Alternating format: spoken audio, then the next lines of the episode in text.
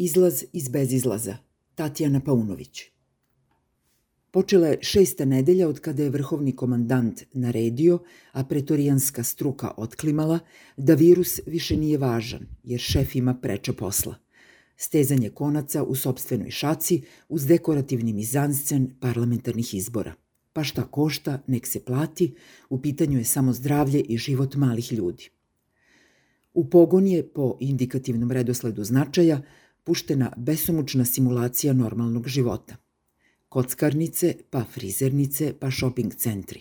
Studenti onomad preko noći najureni iz domova, na prečac su u njih vraćeni, poludigitalna mala matura promovisana je u pitanje opstanka države, a 20 plus hiljada navijača sabijeno na futbalske tribine.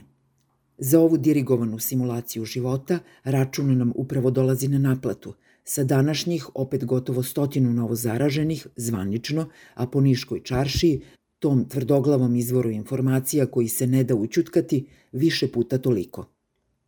Ali, pošto smo još samo na korak do ispunjenja šefove vizije 21. juna, ono što je od struke preostalo, sa TV-a nam mlako poručuje da je sve pod kontrolom.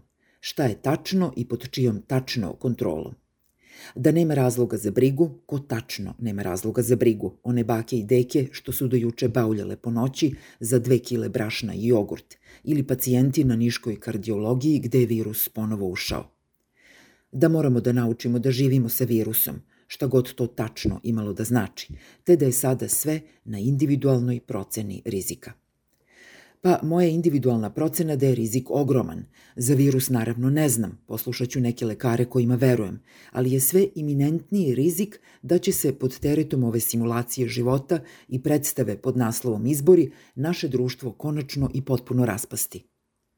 U ovoj ekspresnoj najčistijoj kampanji, u kojoj baš ništa nije ostalo nezloupotrebljeno, od naših privatnih brojeva telefona i ličnih podataka do ekonomske egzistencije i socijalne ranjivosti, Ovo konačno trgovanje našim zdravljem i životom potpuno je ogolilo do koje smo mere kao kolektiv žrtve sistematskog zlostavljanja, fizičkog, psihičkog, ekonomskog i pravnog.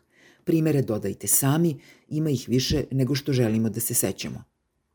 Koju god definiciju zlostavljanja da pogledate, vidjet ćete koliko sistematično i ciljano, kao po nekom priručniku za zlostavljače, ova vlast sprovodi nasilje nad našim društvom – kršenje naših ljudskih prava na vodu, čist vazduh i životnu sredinu dostojnu čoveka jeste kolektivno fizičko zlostavljanje, da i ne uzimamo najstrašnije primere nikad kažnjenog nasilja prema pojedincima, paljenje, rušenje, prebijanje, seksualno zlostavljanje. O potpunoj okupaciji pravosuđa i nasilju nad principima zakonitosti i pravednosti da uopšte ne počinjemo pljačka i uništavanje državne imovine, sejanje straha za ekonomski položaj i opstanak, poješće nas dinosaurusi. To jeste definicija ekonomskog zlostavljanja. Konačno, po definiciji, psihičko zlostavljanje obuhvata sve što ima za cilj da izazove psihičku patnju, osjećaj straha, lične ugroženosti ili ugroženog dostojanstva, da uvredi i zastraši, da ponizi i izazove osjećaj emocionalne ugroženosti. Ne pamtim da je prošao i jedan jedini dan da kao građani nismo bili izloženi verbalnoj torturi, uvredama, double bind porukama i besramnim lažima raznih sorti. They are messing with our heads, u punom značenju engleskog idioma, a i više od toga. Zato mi je i teško da ga prevedem. Ova vlast nad nama, tačku po tačku, sprovodi projekat društvenog inženjeringa, čiji je cilj upravo kreiranje osjećaja sluđenosti, bespomoćnosti i kolektivnog mentaliteta bez izlaza. Kao i svako zlostavljanje, on cilja i pogađa najdublje u suštinu našeg kolektivnog bića i moralnog identiteta, u našu predstavu o tome ko smo, šta smo, šta možemo i želimo i šta su vrednosti po kojima uopšte vredi živeti.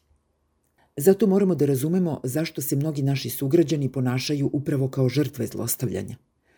Od kada su utihnule i šerpe i aplauzi i ljudi tonu u sve dublji muk i tajac – Pogledajte ih kako stisnutih vilica s maskom na nosu, pod bradom, oko jednog uveta ili ruke, koračaju ulicom tim nekim muklim pokretom bez zvuka. Oslušnite taj razgovor u pola glasa, taj tako netipičan tihi mrmor u prodavnici, u polupraznoj bašti kafića, u redu ispred pošte, pa čak i ispred amfiteatra na fakultetu. Oslušnite tu tišinu kroz otvorene prozore predveče. Tiho je suviše tiho. I nemojte se na njih ljutiti, pokušajte da razumete. Gde god možete, kome god možete, pomozite da naprave prvi korak van iz tog vrtloga nasilja, da naprave svoj mali lični akt pobune, da odluče da ne pristaju da se učestvuju u sobstvenom zlostavljanju, da se sete ko su, ko su im bili baba i deda i šta se naprosto ne radi jer se ne radi. Upravo sam i ja dobila telefonski poziv, ne od aktivista botova i istraživačkih agencija, ne. Ovaj poziv bio je još čudniji i još mnogo tužniji. Neki vrlo kulturan čovek u podmaklim godinama objašnjavao mi je kako njegova privatna terapeutska ordinacija iz Beograda, koje naravno nema na internetu, nudi da sada, nakon teškog perioda izolacije i sedenja kod kuće, nekakvi njegovi saradnici na terenu dođu u naš dom u Nišu i pruže nam celoj porodici, a naročito starijim osobama ako ih imamo, fizioterapeutski tretman potpuno besplatno, danas, odmah popodne. Garantuje mi da ćemo dobiti potpunu uslugu kao što je obećao. Pomislila sam da je u pitanju samo onaj uobičajeni telemarketing, ali na moje začuđeno pitanje otkud i kako to i kakav je njegov interes da to nudi, usledio je otrežnjujući odgovor. Sve je besplatno, samo će saradnici nakon tretmana da nam postave nekoliko pitanja. Ali o čemu i kakva su to pitanja koja fizioterapeuti koje budem pustila u svoj dom treba da mi postave nakon te usluge, to gospodin nije umeo ili nije smeo da mi kaže. Utišavši se do jedva čujnog glasa, rekao je, gospođo, razumete, ja moram da zaradim neki novac za život. Ja vam obećavam da ćete dobiti uslugu kako sam vam rekao. Razumem, naravno da razumem. Pustila sam nesrećenog čoveka da mi ispriča sve što je nalagao scenario, a onda sam pokušala da mu objasnim da on ne mora u tome da učestvuje, da ima svoju struku, svoju profesiju i da zato ima izbora, da ću mu rado platiti punu cenu usluge koju nudi ako izabere da ne saučestvuje u zlostavljačkom projektu, Mogu samo da se nadam da sam bar malo podstakla onaj glas u njegovoj glavi koji mu sigurna sam šapuće da za taj novac koji će danas zaraditi u službi saradnika na terenu žrtvuje budućnost svoje dece i unučadi.